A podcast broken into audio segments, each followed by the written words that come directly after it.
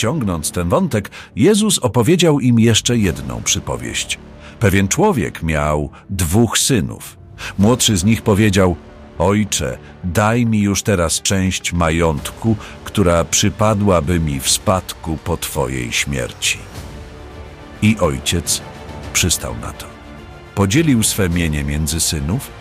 Kilka dni później młodszy syn, po upłynnieniu wszystkiego, co otrzymał, wyjechał do dalekiego kraju i tam, żyjąc rozrzutnie, roztrwonił całe swoje dziedzictwo.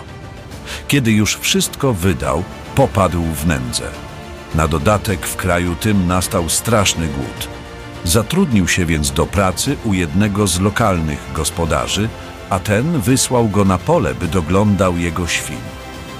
Chłopak marzył o tym, by móc zaspokoić głód choćby strąkami, które żarły świnie, lecz zarządca nie pozwalał mu na to. Gdy w końcu przemyślał swe postępowanie, tak rzekł do siebie: Iluż to robotników u mego ojca ma chleba pod dostatkiem, a ja ginę tu z głodu. Ogarnę się i wrócę do mojego ojca. Powiem mu: Ojcze, zgrzeszyłem przeciwko Bogu i względem Ciebie. Już nie jestem godny nazywać się Twoim synem. Uczyń mnie jednak choćby jednym ze swych robotników. Jak postanowił, tak zrobił. Wyruszył z powrotem do ojca. Gdy był jeszcze daleko, ojciec dojrzał go i wzruszył się ogromnie. Wybiegł mu naprzeciw, wziął w ramiona, przytulił i obsypał pocałunkami. Wtedy syn powiedział: Ojcze, zgrzeszyłem przeciw Bogu i względem Ciebie. Już nie jestem godny nazywać się Twoim synem. Lecz ojciec przerwał mu i polecił niewolnikom. Przynieście tu szybko najlepszą szatę i godnie go odziejcie. Włóżcie także jeden z moich pierścieni na jego dłoń i obuwie na stopy. Złóżcie też w ofierze tuczne ciele i przygotujcie ucztę, bo będziemy świętować to, że mój młodszy syn, choć był już jak umarły, to jednak wrócił do życia. Zaginął, a jednak się odnalazł. I zaczęli się radować. W tym czasie starszy synowego człowieka był na polu. Gdy wracał po pracy i zbliżał się do domu, usłyszał muzykę i odgłos tańców. Przywołał więc jednego z pachołków i spytał, co tam się dzieje. Ten zaś odparł: Twój brat wrócił i ojciec kazał złożyć w ofierze tłuste ciele, ponieważ odzyskał go zdrowego. Słysząc to, starszy syn strasznie się rozgniewał i nie chciał wejść do środka. Wtedy ojciec wyszedł na zewnątrz i nalegał, by wszedł do domu. Wówczas on powiedział: Ojcze, przez całe lata służyłem ci niewolniczo. Ani razu nie złamałem choćby jednego z twoich poleceń. Jednak ty nigdy nie dałeś mi nawet najmniejszego koźlęcia, bym mógł zabawić się z moimi przyjaciółmi. Kiedy zaś wrócił ten obibok, który z dziwkami przehulał twoje mienie, ty natychmiast poleciłeś, by złożono za niego w ofierze tłustego cielaka. Wtedy ojciec rzekł: Synu, przecież ty zawsze byłeś i jesteś ze mną. Wszystko, co moje, jest również twoje. Niczego ci nie brakuje. A z tego, że twój umarły brat ożył, to znaczy odnalazł się, chociaż zaginął, trzeba się cieszyć i radować.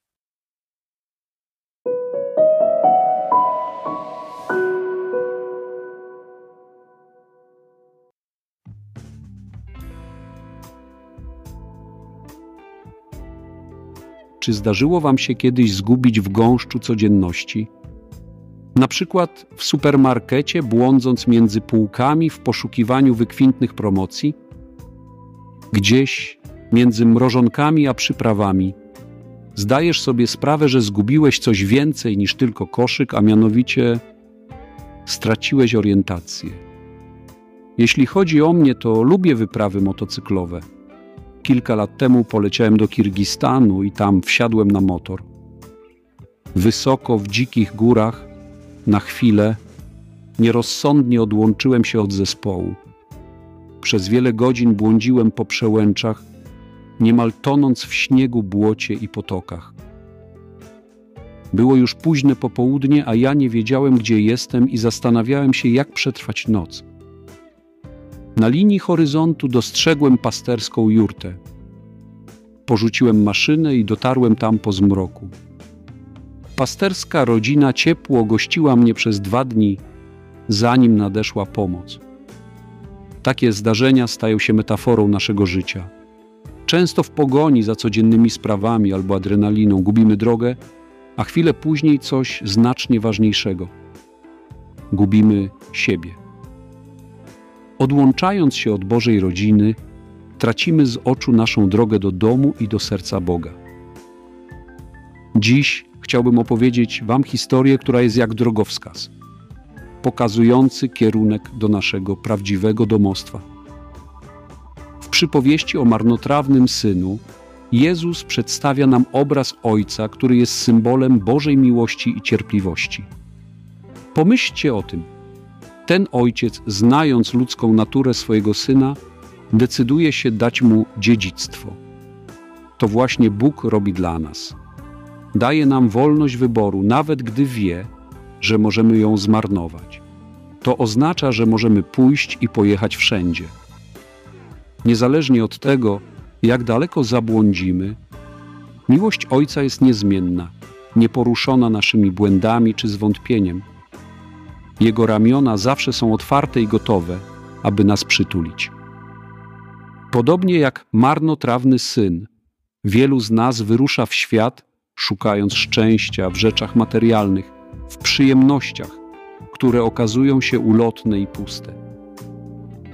Szybko dochodzimy do momentu, w którym odkrywamy, że prawdziwe szczęście nie leży w zewnętrznych doznaniach, ale w głębokim związku z Bogiem i poświęceniu dla drugiego człowieka. To jest nasza wycieczka.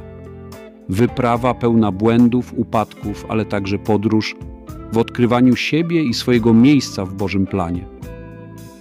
Najbardziej wzruszającym momentem tej przypowieści jest powrót syna i reakcja ojca. Nie ma tu złości, nie ma potępienia, tylko czysta, nieskończona radość z powrotu zagubionego człowieka. Bóg nie czeka, aż przyjdziemy do Niego z doskonałymi osiągnięciami czy bezbłędnym życiorysem. A, tak. Jest też o zazdrości, ale Bóg nie ogląda się na opinie innych. On czeka, by przyjąć nas takimi, jakimi jesteśmy, z naszymi bliznami, błędami i niespełnionymi marzeniami. Jego jurta jest zawsze otwarta. Przebaczenie, które oferuje Bóg, jest potężne i nieograniczone. Jest to centrum naszej wiary. Przekonanie, że bez względu na nasze błędy jesteśmy kochani i zawsze możemy wrócić. Zastanówmy się teraz, gdzie w tym momencie znajduje się nasze centrum czy jesteśmy w domu, w sercu Boga, czy błądzimy poza nim? Historia marnotrawnego syna to nie tylko biblijna przypowieść. To opowieść o każdym z nas. Historia o zagubieniu i odkryciu, że to, co najcenniejsze, zawsze czekało na nas w domu. Dzisiaj, niezależnie od tego, gdzie się znajdujemy, mamy szansę na powrót. Powrót do miłości, która nigdy nas nie opuściła to droga, która może być trudna, bo wymaga odwagi, ale jest to ścieżka prowadząca do prawdziwego pokoju i spełnienia. Pamiętajmy o naszym Kościele, wspólnocie wiary. Nie odłączajmy się od niego.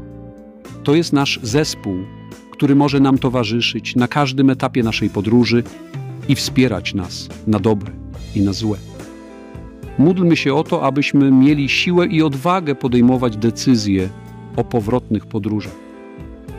Abyśmy, podobnie jak marnotrawny syn, znaleźli drogę do domu, do serca Boga, który zawsze czeka na nas z otwartymi ramionami